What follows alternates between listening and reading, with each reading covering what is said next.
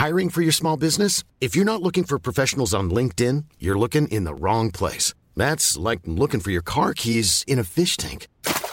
LinkedIn helps you hire professionals you can't find anywhere else, even those who aren't actively searching for a new job but might be open to the perfect role. In a given month, over 70% of LinkedIn users don't even visit other leading job sites. So start looking in the right place. With LinkedIn, you can hire professionals like a professional. Post your free job on linkedin.com slash people today. Millions of people have lost weight with personalized plans from Noom. Like Evan, who can't stand salads and still lost 50 pounds. Salads generally for most people are the easy button, right? For me, that wasn't an option. I never really was a salad guy. That's just not who I am. But Noom worked for me. Get your personalized plan today at Noom.com. Real Noom user compensated to provide their story. In four weeks, the typical Noom user can expect to lose one to two pounds per week. Individual results may vary. A lot can happen in three years, like a chatbot may be your new best friend. But what won't change? Needing health insurance. United Healthcare Tri Term Medical Plans, underwritten by Golden Rule Insurance Company, offer flexible, budget friendly coverage that lasts nearly three years in some states. Learn more at uh1.com. Veckans sponsor är Telia. Hos Telia samlar man mobil, bredband, IT-support, mobilväxel, allt som gör företagande enkelt. Och det är just det här att samla allt på ett ställe, att ha någon att vända sig till när det inte fungerar, det är Telia. Ett exempel på vad som inte är Telia, det är ju som när jag lyckas boka förmötet för en poddinspelning med Finansinspektionen till efter själva inspelningstillfället. Eller när jag här, här året var liksom, fick för mig att jag skulle börja springa, så jag är liksom ute och springer taggad, träffar en kompis som säger så du Jan, på måndag ska jag springa ett lopp.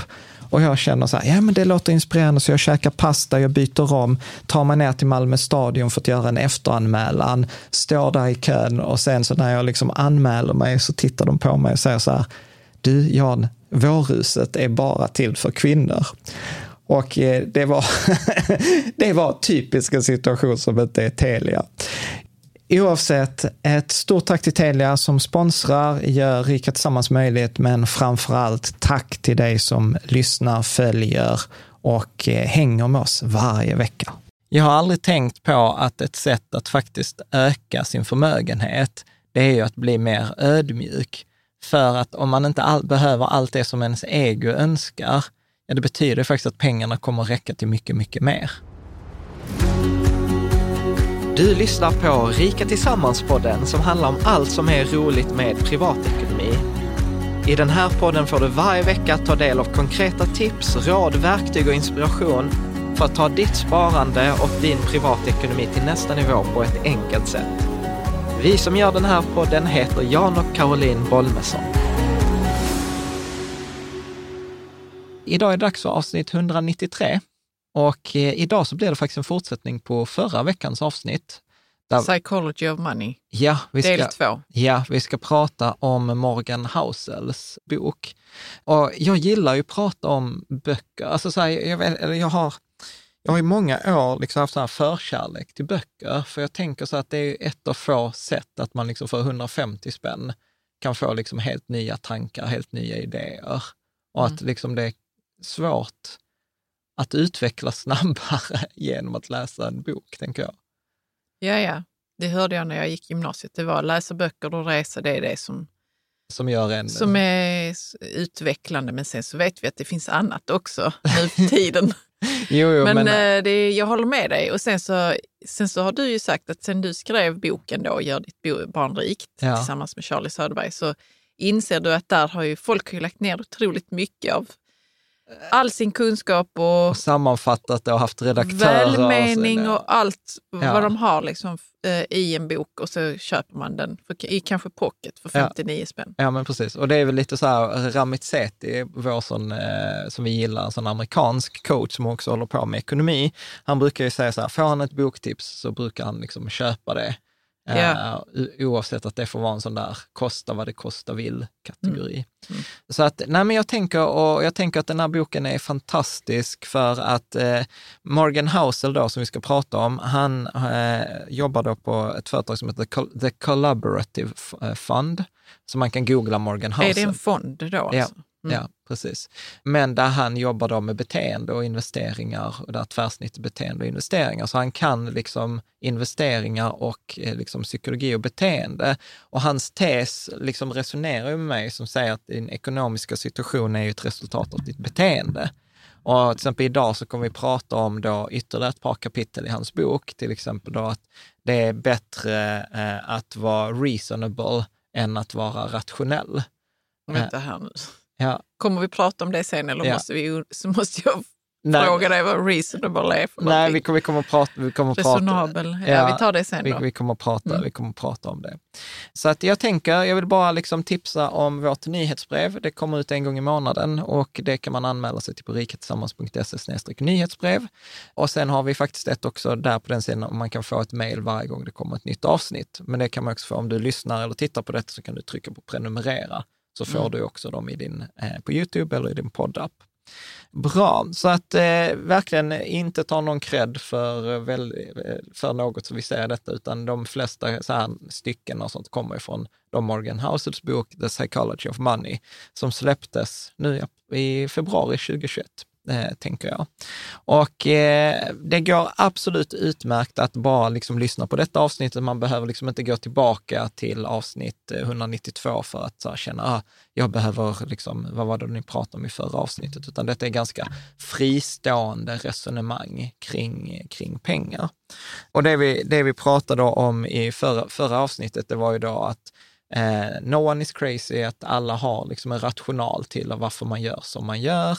Vi pratade om det här med tur och risk. Vi pratade om att ha tillräckligt. Vi pratade om ränta på ränta och sen pratade vi också om det här med skillnaden mellan att stay wealthy och get wealthy. Mm. Är det någonting som du tänker att vi ska lägga till innan vi kör igång?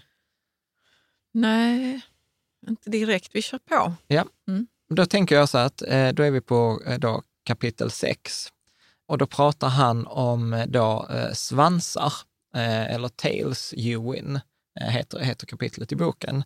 Och då är det liksom svansar i betydelsen eh, liksom att man har alltid de där extrema händelserna eh, i, en, i en matematisk distribution. Och så är man så här, ah, men de flesta människor är 1,85 långa. Men sen så finns det en lång svans och där finns vissa som är... De flesta människor, de flesta, kanske de flesta män i ja, en viss kategori i Sverige. Nej, förlåt, jag trodde det var det jag säger. 75, det. Nej, bara... men vi säger att det finns ett genomsnitt i, i ja, kroppslängd. Som vi, ja, liksom. som vi hittar på, bara sa min egen längd. Ja. Uh, nej, men, uh, och så finns det vissa som är 2,20 och sen är det vissa som är 1,60. Mm. Och då säger man liksom, men det är ganska ovanligt med de som är väldigt korta och det är ganska ovanligt med de som är väldigt långa. Då kallar man det så att det är svansarna på en distribution. Helt mm. enkelt. Menar du då normal fördelning? Ja, till exempel. Men, men distributionen kan se olika ut. Det De behöver se vara, det behöver ut, inte ja. vara normal fördelning. Mm. Och det är inte det som är så relevant, utan det är det som menas nu när jag säger svans. Så mm. menar jag liksom inte en svans ja, på en bra. katt. Ja. Och då har han liksom en, en historia som han börjar med i boken, där han pratar om Heinz Berggrön, eh, som då flydde 1936 från Tyskland och eh, 1990 så var, liksom, var han en av de största konstsamlarna eh, mm. någonsin i historien. Och eh, då 2000 eh, så sålde han liksom en del av sin samling till den tyska staten för liksom, eh, en miljard kronor, alltså 100 miljoner euro. Och det roliga var att den tyska staten uppfattade detta mer eller mindre som en gåva.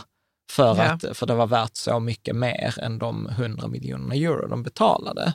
Och, och då, då ställer sig Morgan Housel den här frågan, så hur kommer det sig då att Heinz visste att det skulle vara de här Picasso-tavlorna eller de här Rembrandt? de här att konstnärerna de, kanske framförallt, ja, de här verken. Ja, ja, att de skulle bli liksom eh, så kända etc.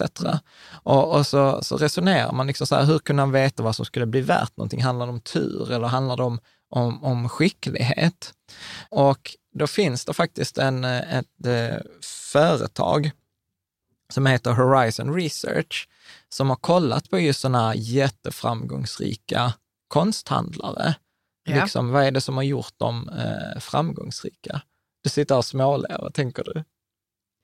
Nej, men jag, vet, jag, jag tänker att jag vet vart det tar vägen nu. alltså. Ja, men ja. ska du läsa vad, vad de Horizon Research konstaterade? Nej, läs du för nu har jag mina okay. glasögon så det ja. går inte. Ja, så då skriver de så här, the great investors bought vast quantities of art. A subset of the collections turned out to be great investments and they were held for a sufficiently long period of time to allow portfolio value to converge upon the return of the best elements in the portfolio. That's all that happened. Mm. Så de köpte jättemycket olika de köpte konstverk och, ja. och sen så var det en, del av det som blev värt jättemycket, ja, en del inte. Precis, och, och, och håller du det tillräckligt länge så blir det liksom så att värdet på hela samlingen tenderar konvergera mot eh, de bästa Eh, liksom delarna av den här portföljen. Vadå, hur då konvergera? Alltså gjorde de sig av med det som... Nej, nej, de behöll allting, men värdet, alltså säg att du köper massa saker för 10 kronor. Mm. Du köper 10 grejer för 10 kronor. Och sen plötsligt så blir en av de här 10 kronor växer till en tusenlapp. Yeah. En med, då kommer ju värdet konvergera mot 900 kronor någonting, mm. alltså mot mm. det elementet, alltså den delen som är den bästa i i den här samlingen. Ja. Och eh, det är liksom värt att då komma ihåg att liksom, av det här eh, som Heinz samlade på sig av den här konsten, 99 procent blev inte värt någonting. Men det spelar ju ingen roll om den där sista procenten är Picasso eller Matisse eller Rembrandt eller liksom några andra liksom kända, kända konstnärer. Och, och Morgan Housel då resonerar, här är en av poängerna, att han kunde ha fel många gånger om, men man kan ändå ha väldigt rätt. Mm. Att, kan du utveckla det där? Nej, men ofta så tror vi så här, men för att jag ska tjäna pengar så måste jag ha rätt. Fler ja. än hälften av gångerna. Ja. Men det, det, behöver jag ju inte. Om jag har några enstaka som blir väldigt rätt, då kan jag ha ganska många liksom, tior som liksom, om jag har som en tusen, som inte är så mycket värt om jag har den där som blir en, en liksom tusenlapp. Ja, jag trodde vi skulle, att vi skulle komma till att det var indexfonder som betyder någonting, men det är inte riktigt det, va? Eller hur? Jo. Är det? Ja. Vi är på, väg, vi är på väg dit. Ja, okej. Okay. Mm. Det känns som att du har liksom så klurat ut någonting i förväg. Jag försökte klura ut det, men sen så tänkte jag att det var nog inte riktigt indexfonder ändå. Jo, för grejen är så här, om, om vi tittar på det, så är det ju så här, det är ju den långa svansen, alltså så här, den sista delen på en distribution som har oproportionerligt stor påverkan inom konst eller inom finans eller inom jordbävningar eller inom vilket vad som helst. Det är de extrema händelserna. Och den här lilla, lilla antalet händelser har Liksom, det är det som vi hade pratat om i avsnitt 160, där när vi pratade om Nassim Taleb och asymmetrier. Att, eh, att tail events har en väldigt stor eh, påverkan. Och eh, det blir ju liksom, om vi tittar då på indexfonder så blir det faktiskt detsamma som man gör. Mm. Det är så här, man säger så här, jag vet inte vilken konst, jag vet inte vilka, vilka tavlor eller vilka konstnärer som kommer att bli framgångsrika eh, eller bli värda någonting i framtiden, så jag köper allihop. Det är precis samma resonemang som vi har med aktier. Jag vet inte vilka aktier som kommer gå bra eller dåligt i framtiden, så jag köper allihop. Mm. Och då okay. köper man en indexfond. Men eh, eh, självklart, men det låter ju ändå som att det är dyrare att vara konsthandlare på något vis. Eh, jag förstår inte frågan. Nej, det var bara en parentes känns, det känns som att konst generellt är jätte, jättedyrt oavsett om det är Ja, ja, fantastisk konst eller om det är eh, något annat. Jo, men, men, men alltså så här, det där är ju liksom sanning med modifikation. För ska du köpa ett företag så är ett företag jättedyrt också. Mm. Det är bara att vi har konstaterat så här, att det är smidigt om vi delar upp eh, ett företag i tusentals andelar och sen så mm. säljer vi andelarna istället. Mm. Ja, så kan man göra med konst också. Och det finns ju sajter på nätet eller fonder där du kan investera i en fond som gör det där, som köper till exempel sportbilar eller veteranbilar eller köper konst eller andra saker. Ja, ja, så, okay. att, så att jag mm. tycker inte liksom så här, eh, inte en jätterelevant eh, inspel, upplever jag. Nej, det kanske det inte är, men han, eh, Buckaroo Hauck eller vad han hette. Ja. Han, han måste ju ändå haft pengar att köpa konsten för. Ja, ja, absolut. Ja. Men, men, Nej, det kanske inte är ett relevant inspel. Det var bara min hjärna som funkar på det viset. Ja. Att den vill liksom tycka så att det är inte samma sak. ja. Nej, men, men det är inte det, återigen, det är inte det mm. som är poängen. Poängen mm. här är att du kan inte förutsäga framtiden, du vet inte vad som kommer gå bra eller dåligt. Och lite som Morgan House skriver så här, the, uh, the, it can be hard to deal with even if you understand the math. It's not intuitive that an investor can be wrong half of the time and still make a fortune. Mm. It means we underestimate how normal it is in life for a lot of things to fail, which causes us to overreact when they do. Så, ja, ja, okej. Okay. Men du, om man skulle kolla på Warren Buffett då, en av världens rikaste ja. människor, har han då också gjort på samma sätt eller har han haft en annan strategi mm. när han har vi kommer till det. gjort sin förmögenhet? Ja, vi, vi kommer mm. komma till det. Mm. Tittar man på, på riskkapitalbolag, alltså ja. sådana VC, VC-fonder, då gjorde man också en undersökning på, eh, tittade på liksom så här företag som investerar i bolag som är utanför börsen. Eh, och då var det ett företag som heter Correlation Ventures som gjorde en undersökning på 21 000 riskkapitalinvesteringar mellan 2004 och 2014. Och då konstaterade de att 65 procent av de här 21 000 gick back. 2,5 procent av de här 21 000 tjänade 10 till 20 gånger pengarna. 1 procent tjänade mer än 20 gånger pengarna och 0,5 procent, det vill säga 100 bolag av de här 21 000, tjänade mer än 50 gånger pengarna. Och majoriteten av avkastningen i de här riskkapitalbolagen, eller riskkapitalfonderna, kom från den här 0,5 procent av bolagen. Ja. Så att jag tror, eh, jag tror att det, detta är liksom så himla viktigt att förstå, att det är liksom inte att när du investerar att liksom så här, det kommer gå jämnt, utan du kommer ha vissa som går jättebra och sen har du andra som inte alls går bra. Och detta tror man, liksom så här, många tror liksom intuitivt, så här, men detta är, detta är för onoterade bolag, alltså riskkapitalbolag. Och det är därför man inte kan investera i onoterade bolag. Men JP Morgan, den amerikanska banken, undersökte hur det såg ut för eh, då ett index som heter Russell 3000. Eh, och då Russell 3000, det är börsnoterade bolag i USA. Det är ett index som består av 3000 bolag på den amerikanska börsen.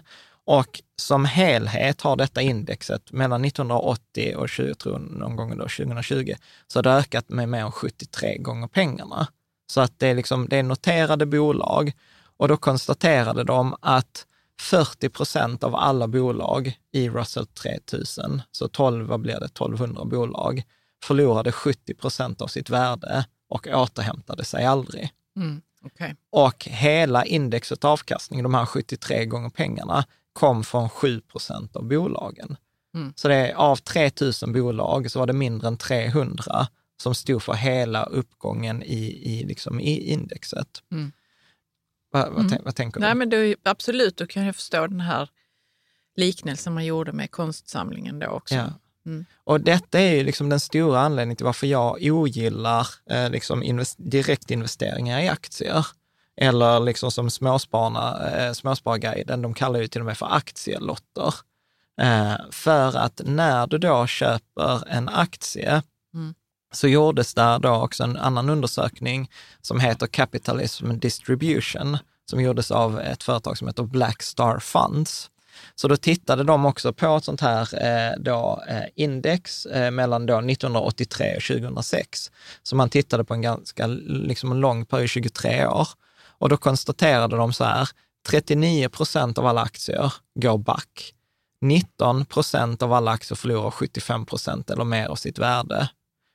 64 procent, alltså två tredjedelar av alla aktier som man köper, underpresterar mot index. Och sen 25 procent av aktierna står för hela uppgången och 4 procent av eh, aktierna slog index med mer än 500 procent. Mm. Mm.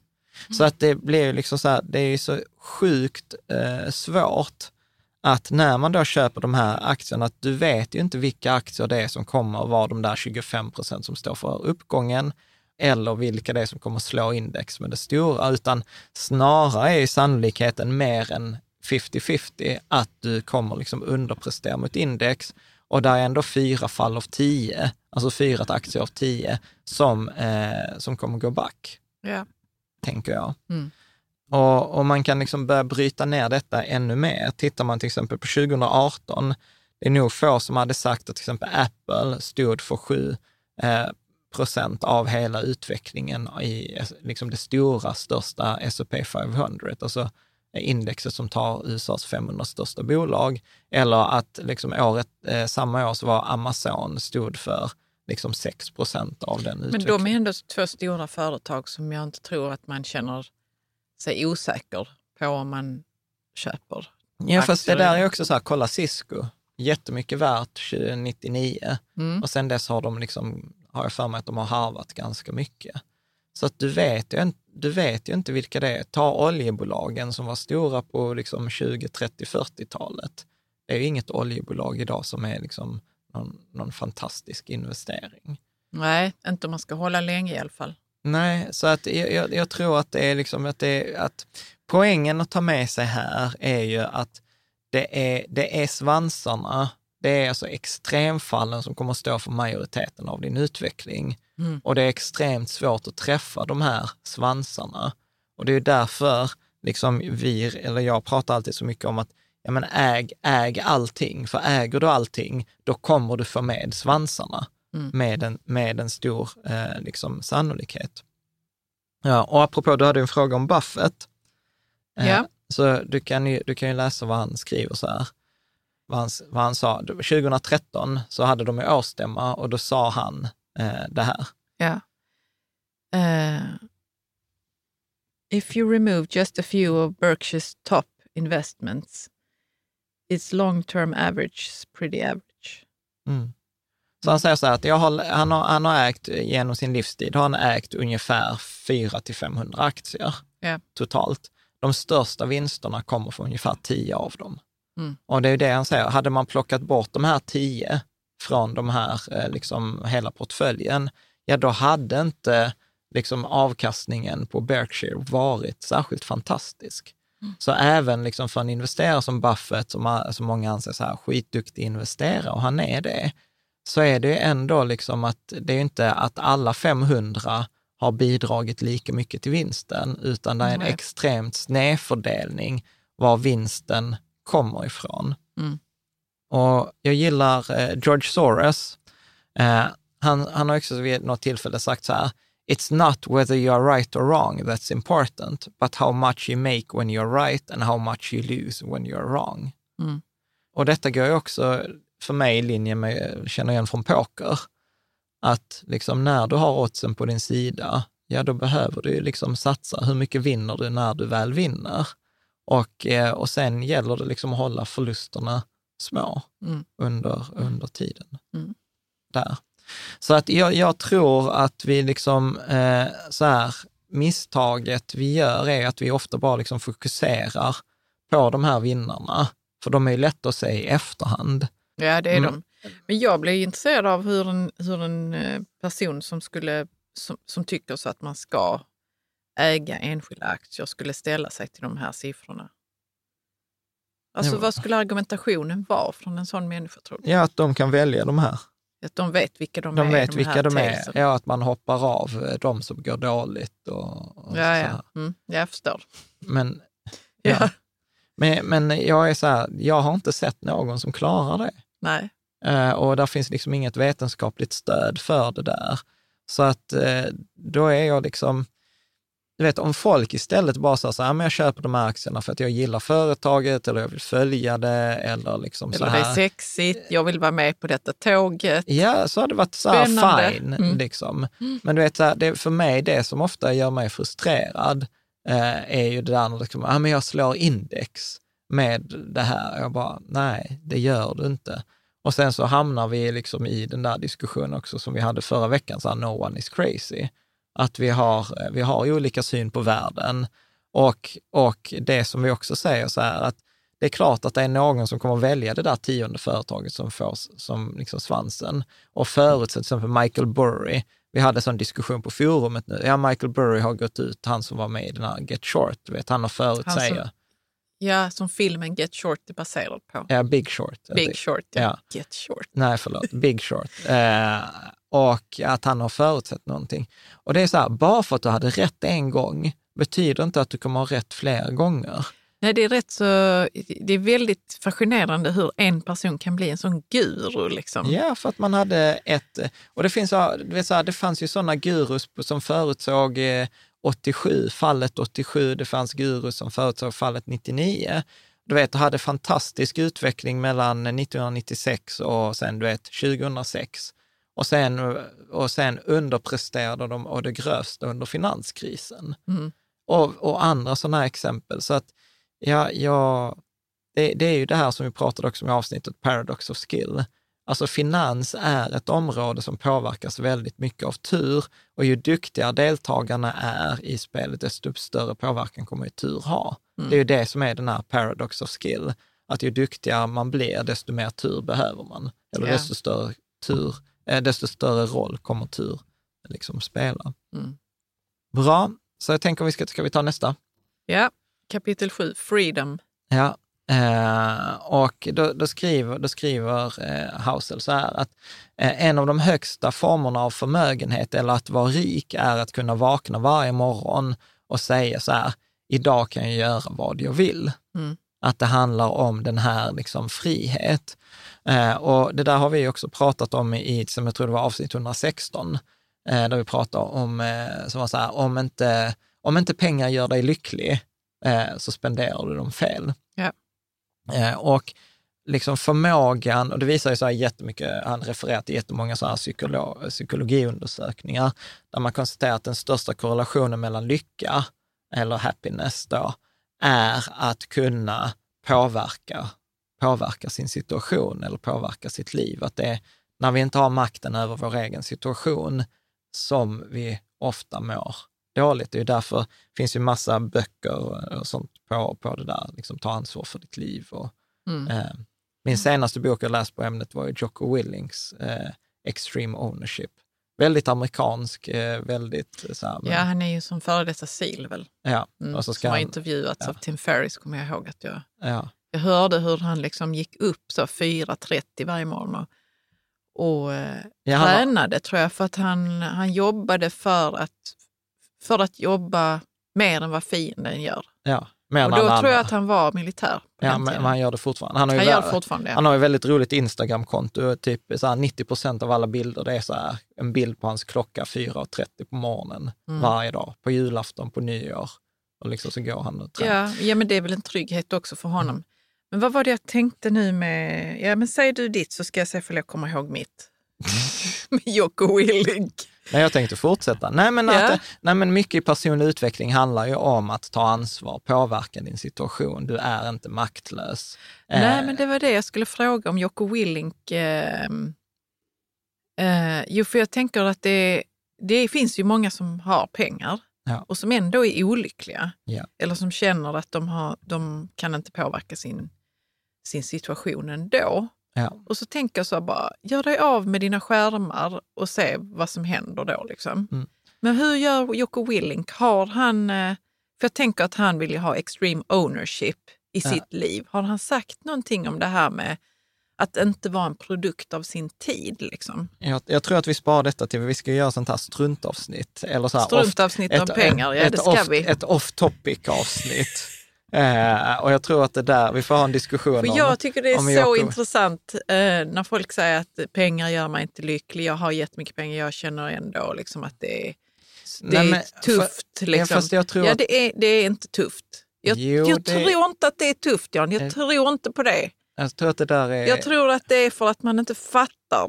Nej. Så att ja, men om man, man behöver fattar, göra något annat ju... än det man gör nu. Ja, men då är det ju tufft för en.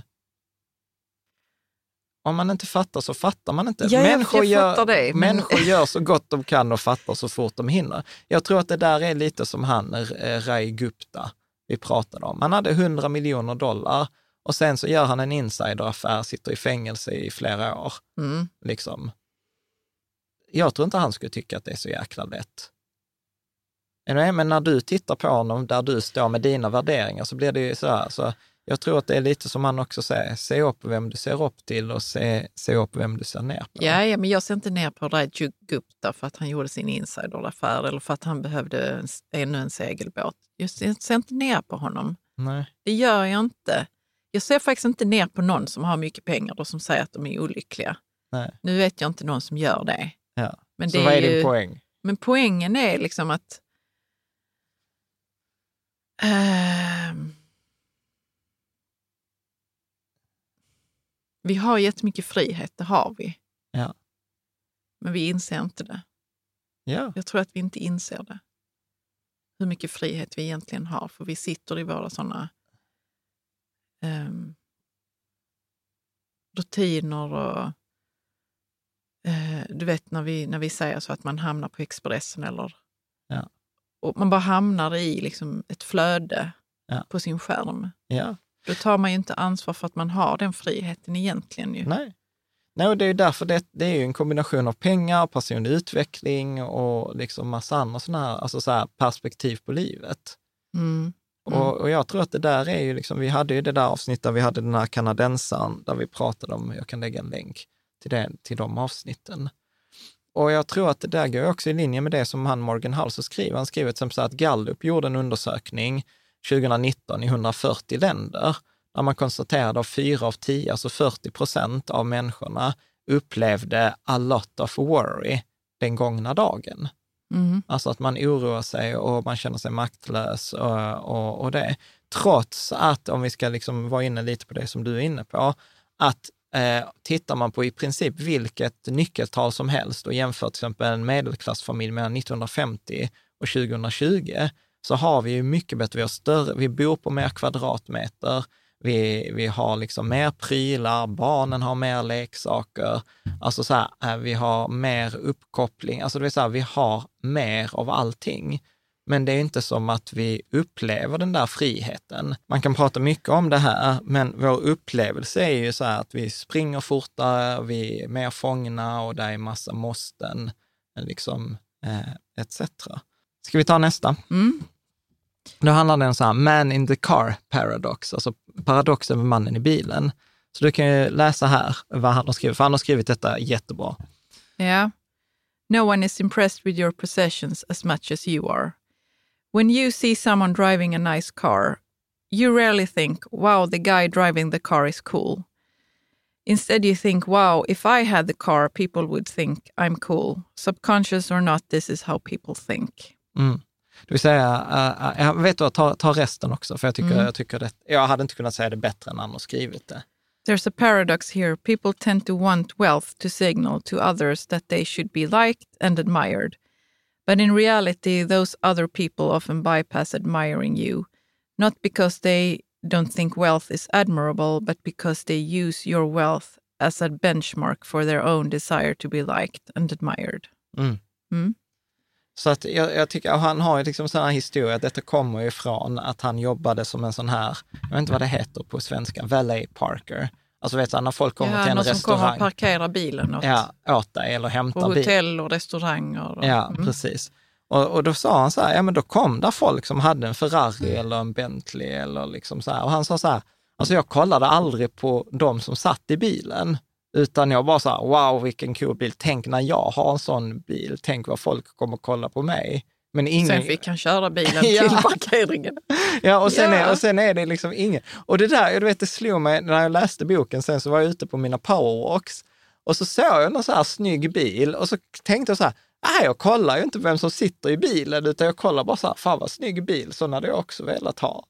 Och detta är ju liksom jag kollar också på bilarna, men jag kollar faktiskt ibland Ja. på vem som sitter i bilen. Ja, Och så är det alltid äldre män och ibland är det kvinnor faktiskt. ja, då är det ofta frun till den äldre mannen. Det är inte säkert. Det, här, Det är inte för- säkert John. Nej, det är klart att det inte är, jag skulle bara vara dryg. Ja. Jag bara skojar. Och, och detta är också ganska kul, apropå det. Så det finns, jag vet inte om du har sett det, men apropå så Instagram och sånt, så finns det, du vet, så här, idag tjänster där du kan liksom så här, hyra in dig typ så en halvtimme på ett privatjet och liksom få ta bilder till ditt Ja, Instagram. Och så kan du till och med få en professionell fotograf och du kan få en champagneflaska, alltså så här extras. Det vet- är ju det att man ska visa upp för andra då. ja. Eller? Ja, Ja. precis. Att eh, liksom det här, eh, ja, jag vet inte, att man Ja, vill signalera, man vill signalera status, man vill signalera framgång, Mm. liksom, eh, etc. Mm.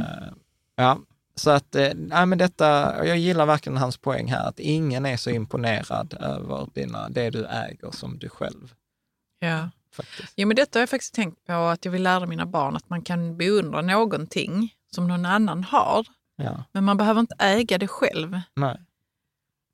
Och det, är- jag tror man bara måste skifta det från att vilja ha det till att förstå att jag kan titta på det. Och det Ja. kan också vara en, en eh, njutning. Ja.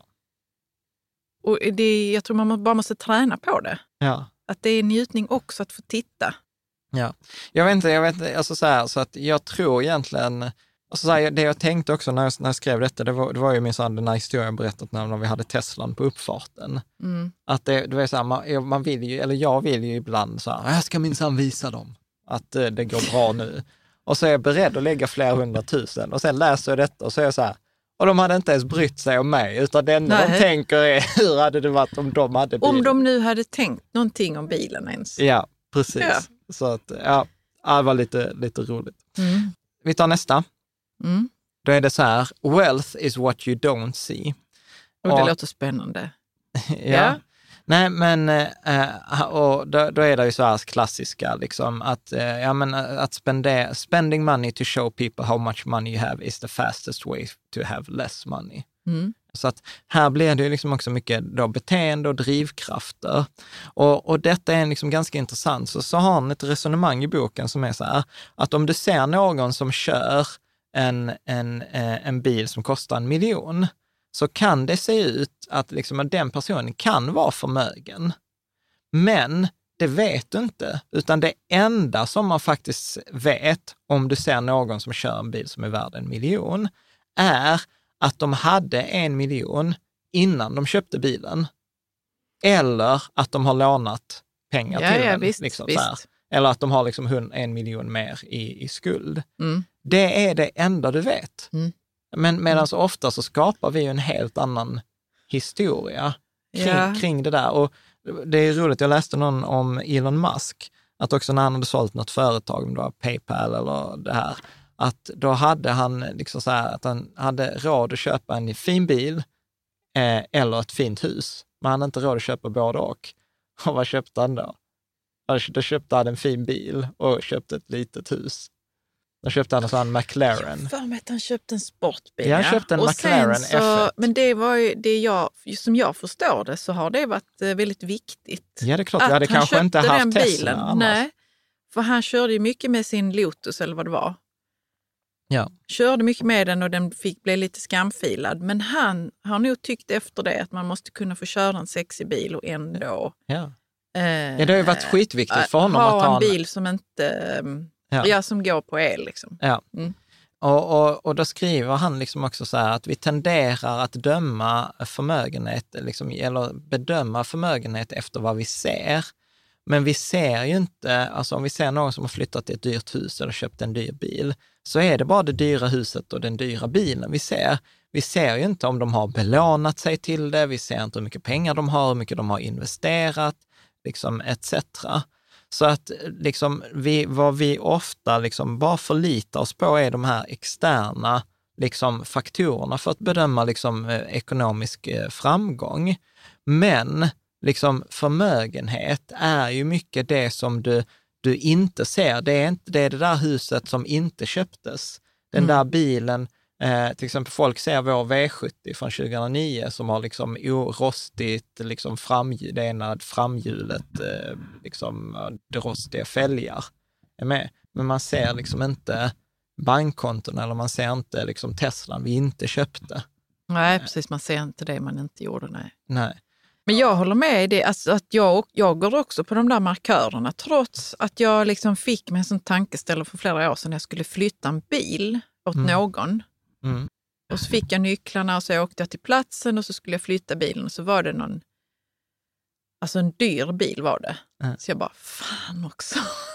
Det är tur jag inte ska flytta den så långt. Ja. Och så tänkte jag så här, men denna personen som äger den, Eh, han har, han, jag vet ju att han inte har ett välbetalt jobb. Mm.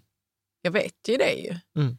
Så även om jag kommer ihåg den här insikten, Mm. att det här, den här bilen var viktig för honom och jag har respekt för det, Mm. att han ville ha denna bilen, så förstår jag att han har lånat till den. Mm. Och jag vet att det är så när jag ser en BMW SUV ute på stan, att man kan mycket väl ha lånat till den bilen Mm. och inte ha så mycket ja. annat. Liksom. Ja. Och, Men ändå går man på ja, ja, absolut. markör, de yttre markörerna. Ja. Och det är liksom det här påfå, påfågelsfjädrar, eller vad man brukar säga. Mm. Eh, han skrev så här, Bill Mann, eh, jag tror att det är en så här investerare, han skrev så här, there's no faster way to feel rich than to spend lots of money on really nice things. But the way to be rich is to spend money you have and not, eh, and, and to not spend money you don't have. It's really that simple. Mm. Och, och där finns ju massor av sådana exempel, framförallt idrottsstjärnor. Rihanna var också tydligen någon sån här sångerska eh, som hade liksom typ gjort av med typ alla sina pengar. Och sen så blev det liksom i domstol då eh, att hon stämde sin finansiella rådgivare. Och då ska den här finansiella rådgivaren eh, ha sagt så här, alltså så här, är det rimligt att jag ska förklara att om du köper någonting för pengar så blir du av med pengarna och får prylen? Liksom.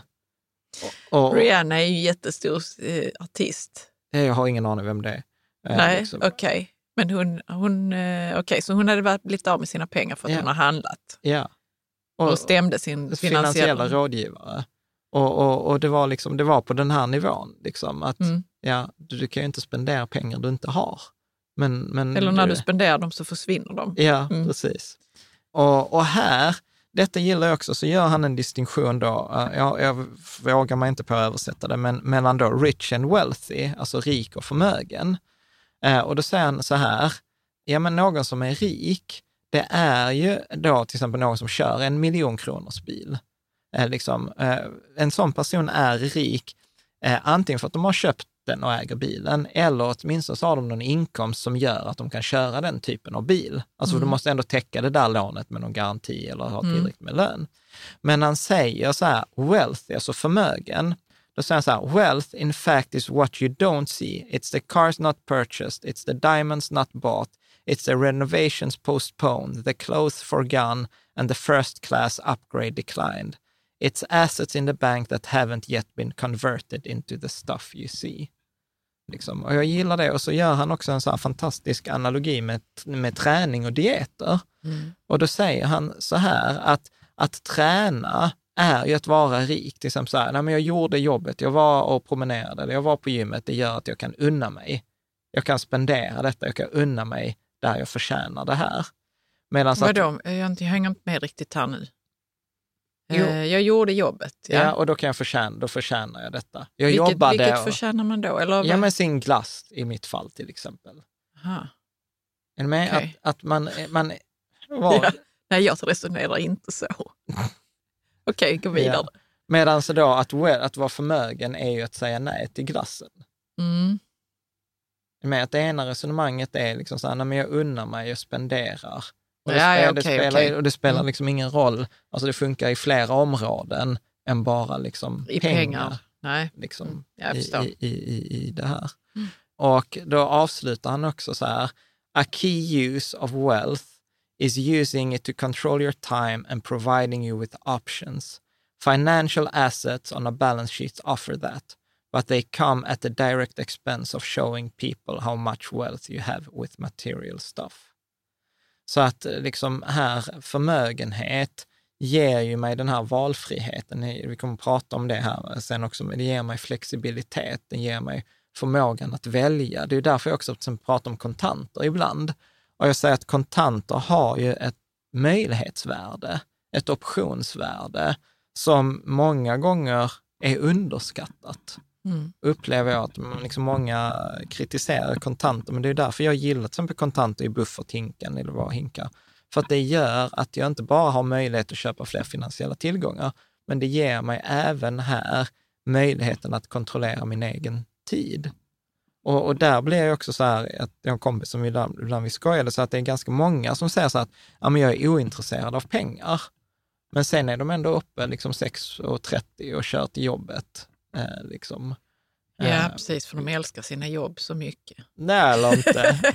men, men, men det visar ändå att de där pengarna verkar ju vara viktiga, för att annars hade man ju kanske inte gått upp den tiden. Nej. Um, vad var det du sa jag inte fattade här? För att du, du sa att du hade kontanter för att du tycker om att kontrollera din tid. Ja, Hur det är- hänger det ihop? Eh, Ja, men alltså så här, eh, att ha kontanter, så betyder, alltså så här, det betyder ju att om, säg att jag har 200 kronor i timmen. Jag har ju då 200 kronor, så betyder det att då finns det en timme jag inte behöver sälja. Mm. Då har jag ju kontroll vad jag vill göra den timmen. Mm. Jag kan välja att gå och jobba, eller jag kan välja att göra någonting annat. Mm. Jag kan välja att gå i, Okej. eller? Ja. Är det ologiskt?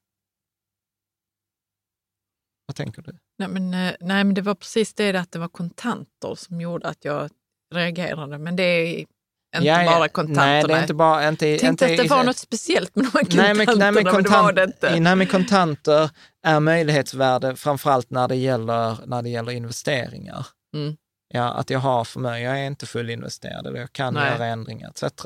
Men samtidigt som de ger, kontanter ger mig möjlighet i området investera så ger de mig även möj, andra möjligheter.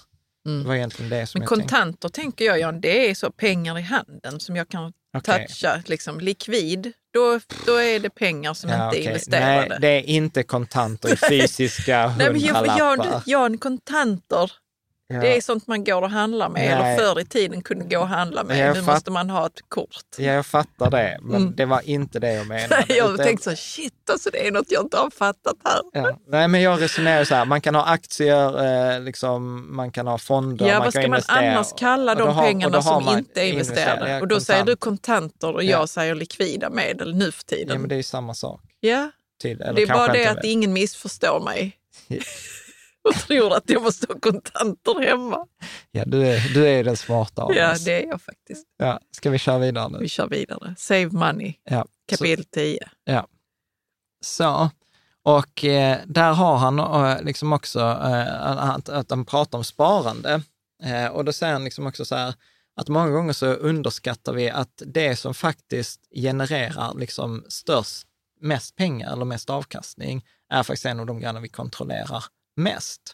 Och han, han skriver så här, att the first idea, simple but easy to overlook, is that building wealth has little to do with your income or investment returns and lots to do with your savings rate. Och, och då är det ju liksom så här, ofta, till exempel vi också, vi fokuserar, och det är mycket samtal och på forumet etc., där vi pratar om avkastningen, alltså avkastningen på våra pengar, räntan. Eh, och, och så är det absolut, avkastningen är superviktig och den, det är den som kan göra oss rika eller förmögna. Men grejen är så här att om man har eh, liksom en strategi, vi pratar i vår strategi mycket indexfonder och fondrobotar, så är det ju mycket osäkerhet kring liksom så här, vilken avkastning kommer det vara 8 procent om året, kommer det vara 7 procent om året, kommer det vara 4 procent om året över tid? Vad kommer avkastningen vara nästa år eller eh, inte? Det är ju liksom eh, oklart, Ja. eller hur? Men om man tittar på så här, hur duktig jag är på att spara och hur sparsam jag är, det vill säga som, som man faktiskt skulle kunna prata om så här, hur duktig är jag på så här eh, att eff, eh, alltså använda, mina, använda min sparsamhet effektivt. Alltså den, han skriver så här, fin, finance conservation and efficiency är då liksom, det kan jag kontrollera. Jag kan kontrollera hur mycket jag kan spendera till viss del. Jag kan kontrollera hur mycket jag sparar. Jag kan kontrollera till viss del hur mycket jag tjänar. Eh, och den, eh, den sparkvoten är egentligen mycket, mycket liksom viktigare än vi tror.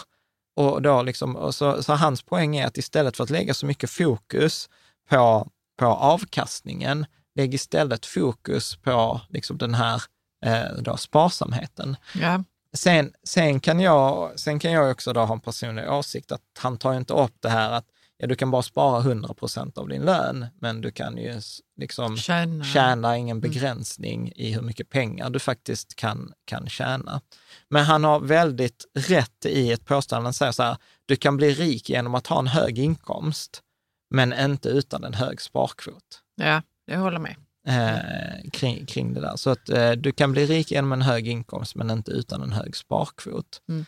Och eh, då pratar han också om att det väl, alltså värdet på din förmögenhet, och detta är också någonting som vi har pratat mycket om, men inte så här eh, liksom urskilt, är ju att värdet på ens förmögenhet är relativt till det man behöver. Alltså så här, relativt till vad du och jag behöver, så behöver vi inte alls lika mycket som vi har andra kompisar som behöver mycket, men som ska ha båt till exempel, eller som ska eh, ha ett större hus eller ska göra mer resor än vad vi ska göra. Mm. Så att, att bli förmögen för oss, blir, eller att vara förmögen för oss är en lägre siffra än för, för andra. Mm. Eh, och han skriver så här, A high savings rate means having lower expenses than you otherwise could and having lower expenses means your savings go farther than they otherwise would have. Det vill säga att genom att ha lägre utgifter eller en högre sparkvot så kommer mina pengar räcka, liksom, eh, räcka längre.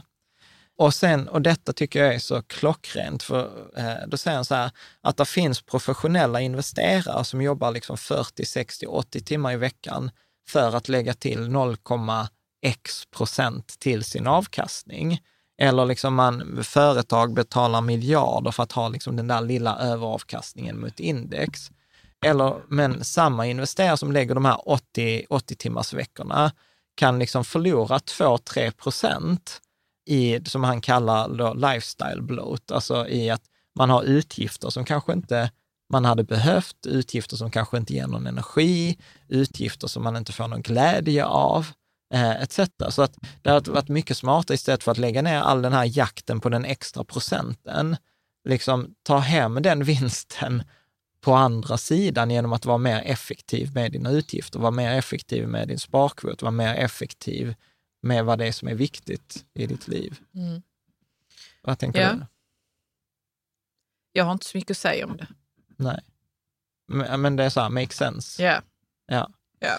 Och, och sen så gillar jag också så här, en, han har en, liksom en formulering, den skriver så här, efter en viss nivå av inkomst, alltså past a certain level of income, what you need is just what sits below your ego. Mm. Så att han säger så att, äh, att, one, äh, liksom att ett av de sätten som man nästan aldrig pratar om för att bli rikare är ju att bli mer ödmjuk. Jag, jag älskar det. ja, men är du förvånad? Nej, men säg någonting mer. Varför, varför slår det an hos dig då? Jo, men det slår ju an, eh, jo, men som vi när vi pratade i, på vår promenad idag om det här med att vara, man är osäker. Ja. Och att eh, det, det är kanske inte egot då, men, eller det kan vara. Men att man är... Den här osäkerheten då, kanske om jag, jag är kvinna och jag kan vara osäker kring eh, till exempel mitt utseende och känna ja. att jag behöver operera mina bröst. Ja. Eh, jag säger inte att alla som opererar brösten är osäkra nu. Eh, men då, det kommer kosta mig en massa pengar ju. Ja. Såklart. Ja. Det kommer också kosta mig en massa pengar att uppgradera min garderob eller köpa en bil eller whatever. liksom. Mm. eller att behöva hävda mig. Det mm. har ju med egot att göra. ju. Mm. Hävda hur, eh, hur framgångsrik jag är. Om jag inte har alla de grejerna, osäkerheten och hävdelsebehovet, mm då behöver man ju inte spendera de pengarna heller ju. Mm. Och då behöver man inte den inkomsten. Och någon kan sitta här nu och säga så, då är man en jävla nobody. ja, men vi är det ändå. Mm. Vi är det ändå ju. Mm. Ja, jag, det protesterar jag lite mot. Men jag tycker det är så jävla skönt att veta så. Vi är nobodies allihopa ändå. Vad menar liksom. du med nobodies? Ja, men för, för någon så är, så är de, de, de flesta vet inte att man existerar. Ja, ja, du menar så. Så. Ja. Och för de som, som tycker om en så är man ju någonting, för, fastän man har eller inte har en jättesnygg bil. Liksom. Mm. Ja. ja, jag tycker det är jätte, jättespännande med det här med ödmjukhet och vad det kan resultera i i, i det fysiska livet. Ja. Ja, jag tycker det var så här, liksom så här, den bara hoppade ut på mig den här raden. Så här, One of the most powerful ways to increase your savings isn't to raise your income, it's to raise your humility. Ja, det är jättefint. Jag tycker det är jättefint. Ja. Eh, liksom så här, för att det är ofta så är det inte där man letar. Liksom. Nej, nej men jag, jag tänkte på det häromdagen när, när ehm, jag tänkte på vänner som vi tycker om. Mm. Då är det, ju, det är det ju för att de är underbara liksom, personer. Mm. Inte för att eh, de har fantastiska cyklar liksom, eller något. Eller hur? Nej, men vissa har ju cyklar för hundratusen. Det är inte, det är inte därför man älskar en människa. Eller hur? Och nu är jag jättemycket inne på att relationer är det som spelar roll mm. i mitt liv. Det kanske det inte är i någon annans liv, men, men för många människor är det relationer som är, som är det som spelar störst roll egentligen. Ju. Ja, inte störst roll egentligen, men, men stor roll. Stor roll, ja, klart att man vill äh, att man har andra behov också, men ja. vi... Ja. ja, that's it. Jag ska inte säga mer nu. Det känns som jag bara spiraliserar ut i massa märkliga resonemang här idag som vi har behövt klippa bort. Låt oss gå vidare. vi, vi går vidare. Ja. Men nästa grej är fortfarande på det här just med spara pengar. Det var ett ganska ja. stort kapitel. Ja. Då, var, då har han vissa sådana här liksom tips och ett av dem var ju också så här, nej men du behöver inte ha en specifik anledning till att du sparar. Utan han säger också så här att, och jag gillar detta, eh, för han säger så här att spara, eller jag kan läsa hur han har skrivit, han har skrivit så här, mm. every bit of saving is like taking a point in the future that would have been owned by someone else and give it, giving it back to yourself. Mm. Jag, alltså han är en sån liten ordkonstnär. Ja, men det, är det är detta fint skrivet. Ja, men det, detta är varför jag gillar att läsa böcker på engelska och på originalspråket. Ja, det är, ja liksom. absolut. Nej, men att det handlar verkligen att tid, eller så här, tiden är, jag, jag tycker personligen att tid är den viktigaste resursen. Alltså så här, har jag, har jag schabblat bort 100 000 så kan jag alltid tjäna 900 000. Jag kan till och med liksom schabbla bort 100 000 om året i tio år och sen det elfte året tjäna en miljon och vara liksom plus minus noll. Har jag schabblat bort tio år med mina barn så kan jag inte det elfte. Har du schabblat bort dem Då har jag schabblat forever? Bort, ja. Så tid på det sättet upplever jag egentligen mer värt än, än, än pengar. Och precis som vi pratade om här, pengar då ger frihet på samma sätt som eh, liksom då att, att konsumtion idag blir ju liksom, det värsta är ju som så här, konsumtion på kredit. För det betyder att jag har någonting idag, men sen kommer jag behöva jobba i flera år för att betala det där jag använde i tid. Mm. Alltså så, så att jag brukar mycket tänka på tid och pengar som en tidslinje. Och genom att till exempel avvara någonting idag när jag sparar så betyder det att jag får mer i framtiden. Och mer i framtiden, ja men vad är det mer? Jag får valfrihet och jag får friheten. Ja, men du liksom. sa att han, han pratade om att man behövde inte ha något specifikt man sparade för. Nej. Utan det var det här då att att ge tillbaka någonting till sig själv som ja, men, man kanske ja, annars skulle varit av med. Ja, men det är ju en variant på den här klassiska, den som är satt i skuld är inte fri. Mm. Men, men där tänker vi ofta på det monetärt, eller så här, men vi glömmer bort liksom, de psykologiska aspekterna av att inte vara fri. Eller liksom så här, oron för att räntan ska gå upp, eller att jag måste jobba, jag, vad händer om jag blir sjuk? Eller liksom så här, nej men jag, jag kan inte jobba mer. Eh, liksom etc. Nej. Så att det är där att resurserna blir ju någon slags, ja men frihet, upplever jag. Och jag gillar det här sättet, jag vet inte, jag, jag, får väl återkomma i något kommande avsnitt om det där, men jag gillar ju det här sättet att tänka på tid och pengar på en tidslinje. Att jag liksom flyttar fram och tillbaka. På samma sätt som, en, eh, som ett lån är ju egentligen en framtida konsumtion flyttad bak i tiden. Mm. Så tänker jag till exempel, att vi hade inte kunnat köpa vårt hus förrän vi var kanske 70 eller 65 om vi skulle betala det kontant. Men genom att låna på banken så kunde vi köpa det när vi var 35. Men vi kommer få betala för detta lånet i 35 år. Ja. Är du med? Så att, ja, så att ja, det, det blir ju liksom, då har vi flyttat huset från framtiden, framtiden till idag. Och det är ju fint att man kan det. Ja. Det, det tycker jag är helt okej. Okay.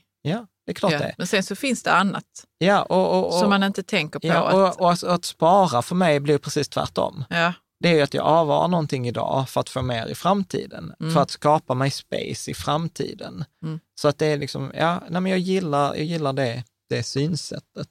Eh, liksom. Och sen så skriver han också så här, that flexibility and control over your time is an unseen return on wealth. Alltså att vi pratar om så här, vi får en avkastning på våra pengar, men vi får även då den här flexibiliteten och kontrollen över vår tid. Och det är ofta något vi inte sätter spontant värde på, utan att vi egentligen har så här dubbelavkastning, mm. eh, vilket jag tycker är nice. Och, och då säger han liksom så här, är, hur värderar du möjligheten? Hur värderar du möjligheten att kunna byta ett jobb som du inte trivs med? Där det var liksom så här under någon gallupundersökning där 70 procent hade bara bytt jobb om de bara hade vågat. Att eh, hur värderar du möjligheten att kunna vänta på en bra investering? Mm. Eller hur, hur värderar du möjligheten att gå pension tidigare? Eller hur värderar du möjligheten att inte behöva oroa dig? Det är bra att du säger det, att han tar upp det. För att jag börjar fundera på det här hur man ska hitta den här balansen mm. mellan konsumtion och sparande. För det kan lätt bli så att då vill man ju spara mycket om man är inne på det här tänket, ja. om man läser denna boken och man tänker så ja men det är ju så att jag tar något från mig själv i framtiden. Ja. Alltså, det blir inte lätt att konsumera då heller, fastän man kanske skulle behöva Nej, men det är där konsumera jag... också. Ju. Absolut. Kanske det... få en massage ja, ja, och så bara kostar den en jättemycket pengar i framtiden. Man kan ju inte tänka så heller. Nej, Nej men det blir den här, alltid den här balansen, dikotomin eller liksom ja. yin yang. Att du behöver ju ha balans mellan spara idag och ha framtiden. Eh, och då liksom. får man ju kanske bara sätta en kvot. Liksom. Ja, eller, eller, eller, snar, eller nej, men jag tänker väl snarare så här, så här innerst inne så vet vi ju vad som är viktigt liksom, yeah. för, för oss på riktigt. Alltså apropå det där, vårt off topic-avsnitt eh, som vi ska ha. Strunt om pengar. Ja, inte bara strunt om pengar. Jag vet inte, vi kallar det det, det är working title. Ja. Eh, att liksom så här, var, den, liksom, var det någonting som var integritet med det? Gav det dig att ta den där massagen? Det kan vara det bästa du kan göra. Och det kan också vara så här, nej, det var helt meningslöst. Mm, absolut. Eh, liksom. Mm. Så att jag, jag, tror att det man kommer tillbaka till sig själv, att så här, innerst inne vet man, var detta rätt eller inte? Liksom. Ja, jag vet inte. Jag... Ja, men man vill ju helst inte komma till efter att man har spenderat pengarna och tänka nej, så, att detta var värdelöst. Ja. Man vill ju veta det innan. Ja. Tror du alla har det omdömet att veta innerst inne? Ja. Jag ska inte, ska inte köpa det här cigarettpaketet eller jag ska inte... Ja, men jag vet äh... inte, men jag tror till exempel så här, apropå Jocko Willink, så sa han så här, ingen ångrar någonsin ett träningspass om det inte är typ så här, om man inte skadade sig på träningspasset. Men mm. Mm. annars är det så här, det är ingen som ångrar att man gjorde någonting som var bra för det. Bara, du är så här, nej men jag käkade en sallad till lunch, fan det var jävligt dumt gjort. ja, men det ligger något i det, är jättespännande. Okej, okay, så, så han utgår från att vi vet vad som egentligen är bra för oss? Ja, jag, jag, jag tror, att vi, jag tror att vi har den där egentligen, men att vi kanske inte alltid lyssnar på den. Mm. Och, och, där kommer ju massa roligt, att vi vet här, jag borde gå och träna, jag borde gå till gymmet eller jag borde, jag gå borde med en jag borde äta bättre. Och sen så kommer ju den där, han, Mr Resistance, liksom, som är, som man säger så här, Jag vill ha glass. Jag vill ha glass, jag vill eller, eller jag är trött nu, eller jag, ja. jag har lite ont, eller jag gör det imorgon. Och, och sen så gör vi inte det och då förlorar vi energi. Och så hamnar vi i de där positiva eller negativa spiralerna. Mm. Så, så, att jag tror att det är, är Alltså nu blir ju detta supernördigt här, men du och jag har ju liksom börjat ett spel här nu som är, som är sjukt provocerande för vissa. För jag delade med mig till en kompis som sa, du vet att detta är sjukt provocerande. Nu Åh, ser du... vad spännande. Va?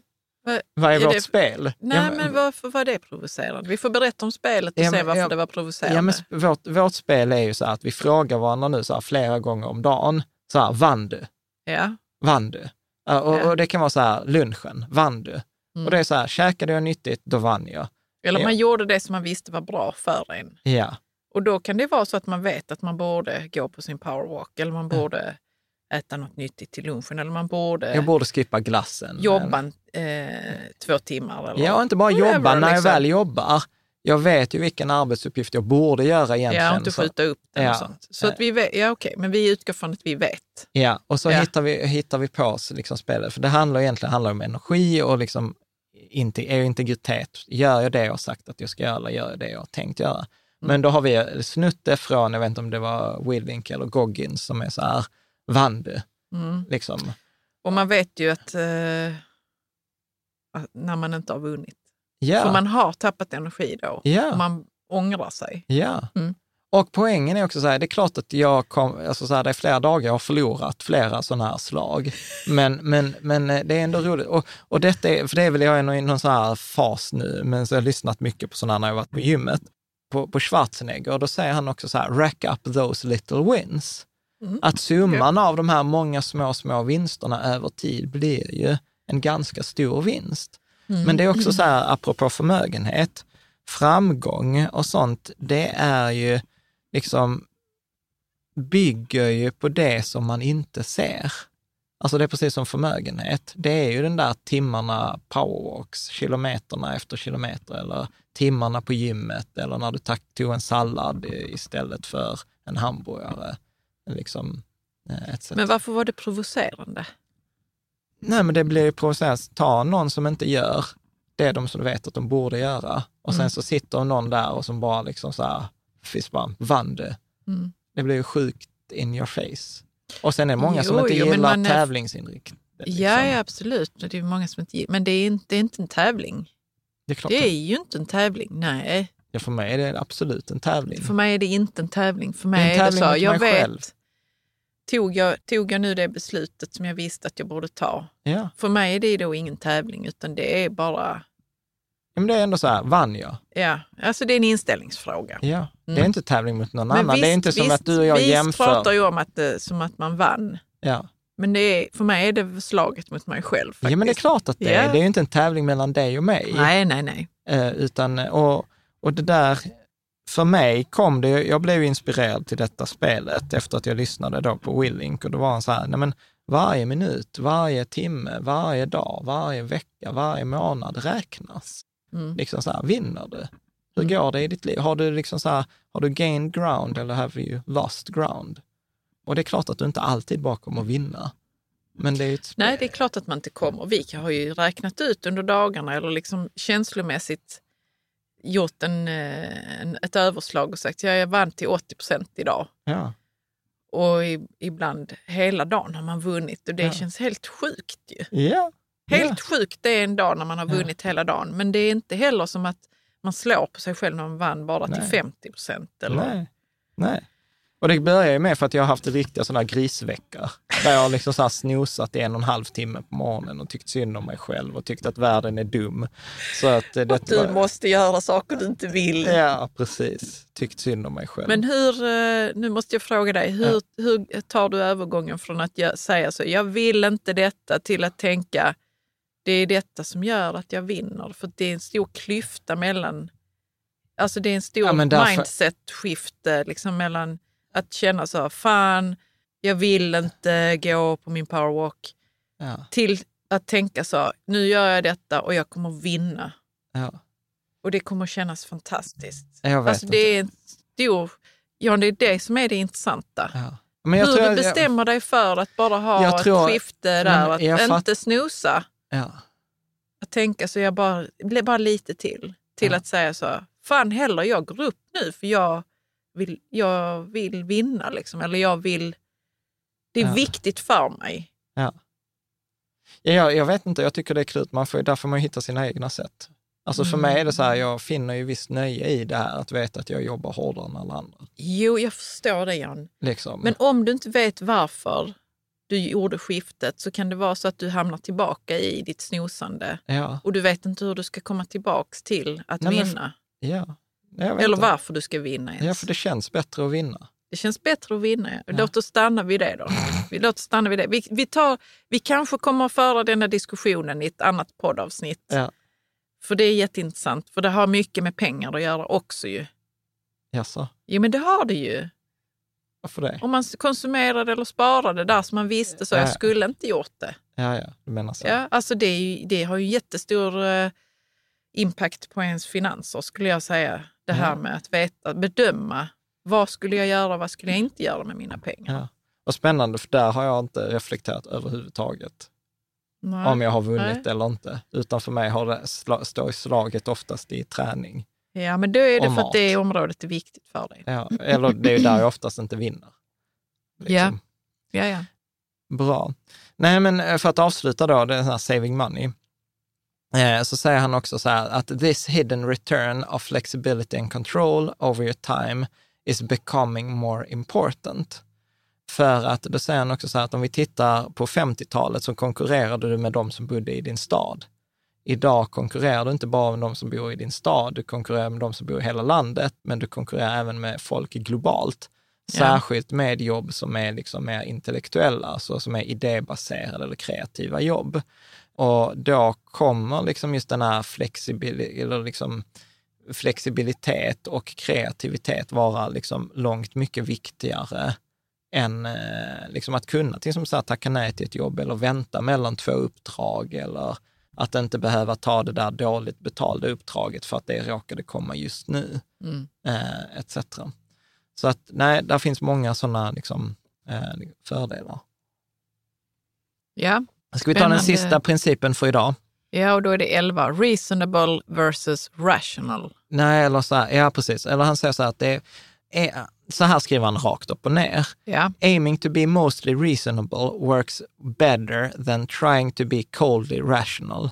Reasonable is more realistic and you have a better chance sticking with the for, for the long run which is what matters most when uh, it comes to managing money. Mm. Så att ibland så lever vi i det här att om man bara fattade liksom matematiska beslut så vore, man, så vore det mycket bättre. Men problemet är att vi är ju inte de där ikonerna eh, som eh, alltid bara har maximerar nyttovärdet och bara ser till statistik och matematik.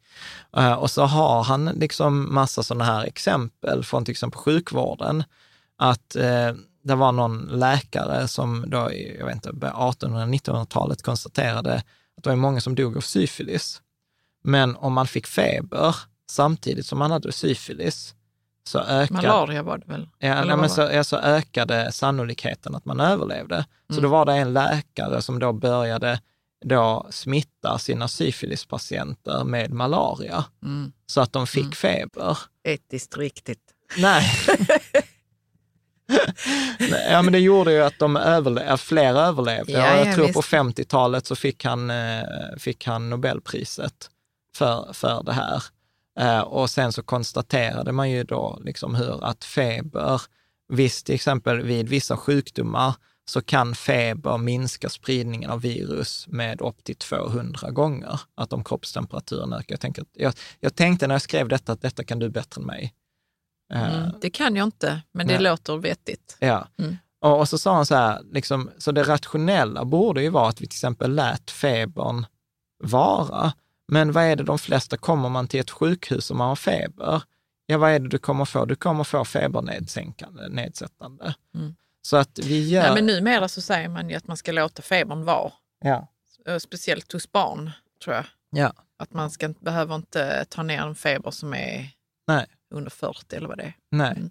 Och, och, så man har förstått det ändå. Ja, precis. Men, men vi är fortfarande liksom många gånger att vi gör Liksom, vi, vi vill gör, må bättre instantly. Ja, vi, ja, precis. Och då gör vi irrationella grejer. Mm. Och, och, han pekar också på, det var ganska roligt, eh, att 2000, det, detta är en studie som jag har helt missat.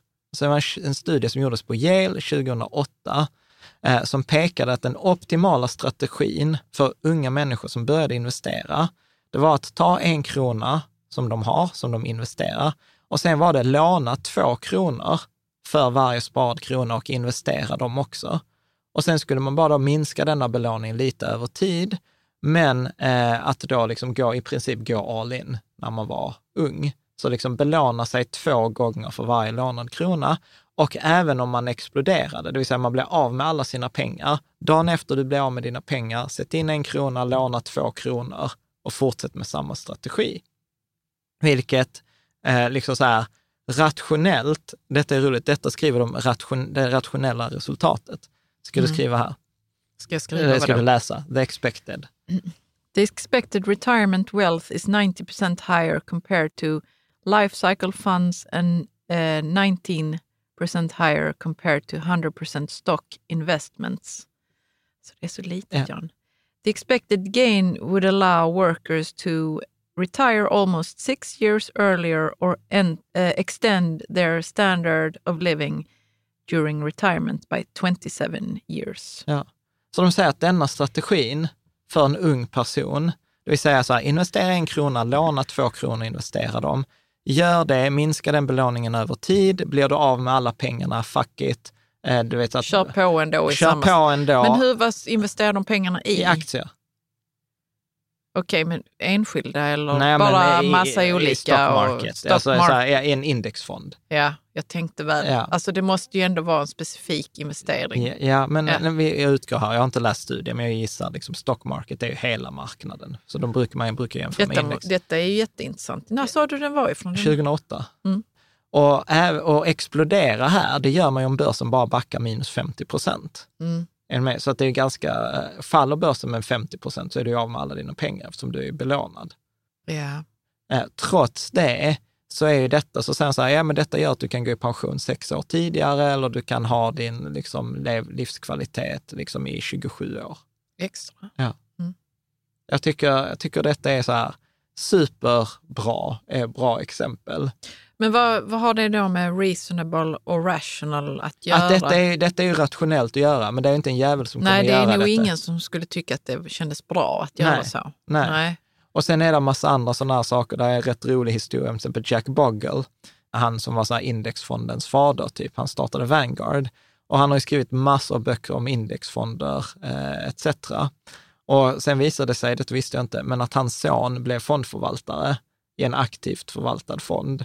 Mm. Då la Bogle in en del av sina pengar i hans fond. Jag tycker det är fint. Ja, Jag tycker det är jättefint. Barn är, gör alltid något helt annat än man tror eller tvärtom. Ja. Eller, ja. Och du vet, de kan vara framgångsrika i det. Jag ja. tycker det är så himla roligt att höra detta. Ja, och så är det, men det är liksom så här irrationellt. Ja, så att, så att, jag tror heller inte han gjorde det för att han var eh, pappa till den här. Jo, han skrev ju så här. Jo, men det kan inte ha varit bara därför nej, som men, han la in nej, lite han, pengar där. Nu minns jag inte citatet i boken, men då var det ju något så att ja, men liksom, vissa saker är liksom viktigare än family pengarna. Okej, okej. Okay, okay. mm. Men då så, var det då, därför. Ja, ja. Mm.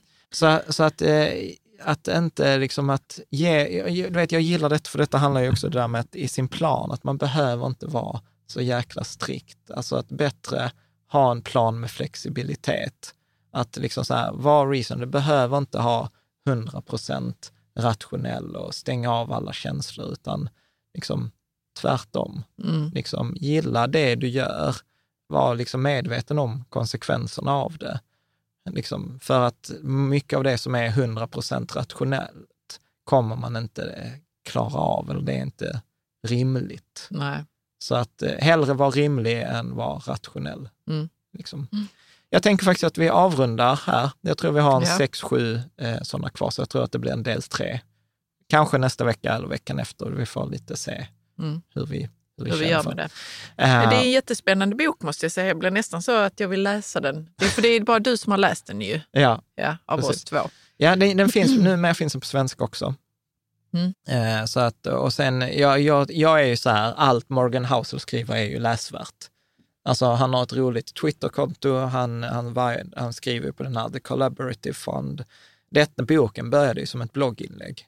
Mm. Eh, liksom också, så att, Vad heter den på svenska? Heter den pengapsykologi? Ingen, eller? jag vet inte, jag Nej. läste den på engelska. Man får söka på Morgan Housel ja. och så kommer det väl upp. Precis. Bra, annars eh, det sista jag får tipsa om annars är vår Patreon-community. Mm. Där händer ju roliga grejer. Mm. Vi, har, vi kommer ha en sån här fikat, digital fika tillsammans med en finansiell rådgivare. Vi kommer ha eh, fika tillsammans med Filip Ripman från SPP eh, Fonder som förvaltar ja. den hållbara fonden SPP Global Solutions mm. som eh, fokuserar på sådana här hållbarhetsmål och bidrar till FNs mål för en hållbar värld. Och eh, ja, vi har haft eh, fika tillsammans som skog. Så det är, det är liksom nästan som en podd i podden. Nu ja, har vi faktiskt en 12-13 avsnitt mm. och sen händer det massa grejer. Jag tänkte faktiskt att jag skulle testa vi skulle ha en sån här fika också, bara öppet forum. Eh, man kan ha sin träfika. ja, vad, vad trevligt. Ja, jag ska se hur det, hur det går. Du hittar på så mycket kul, Jan. Ja, men jag tycker att detta är sjukt roligt. Uh, men det är Patreon, då kan man då uh, patreon.com rika tillsammans. Mm. Eh, och sen så tänker jag helt enkelt att eh, vi ses kanske i forumet under veckan och sen så kommer det ett nytt avsnitt nästa söndag, precis som vanligt. Ha det så bra, tack för denna veckan. Tack.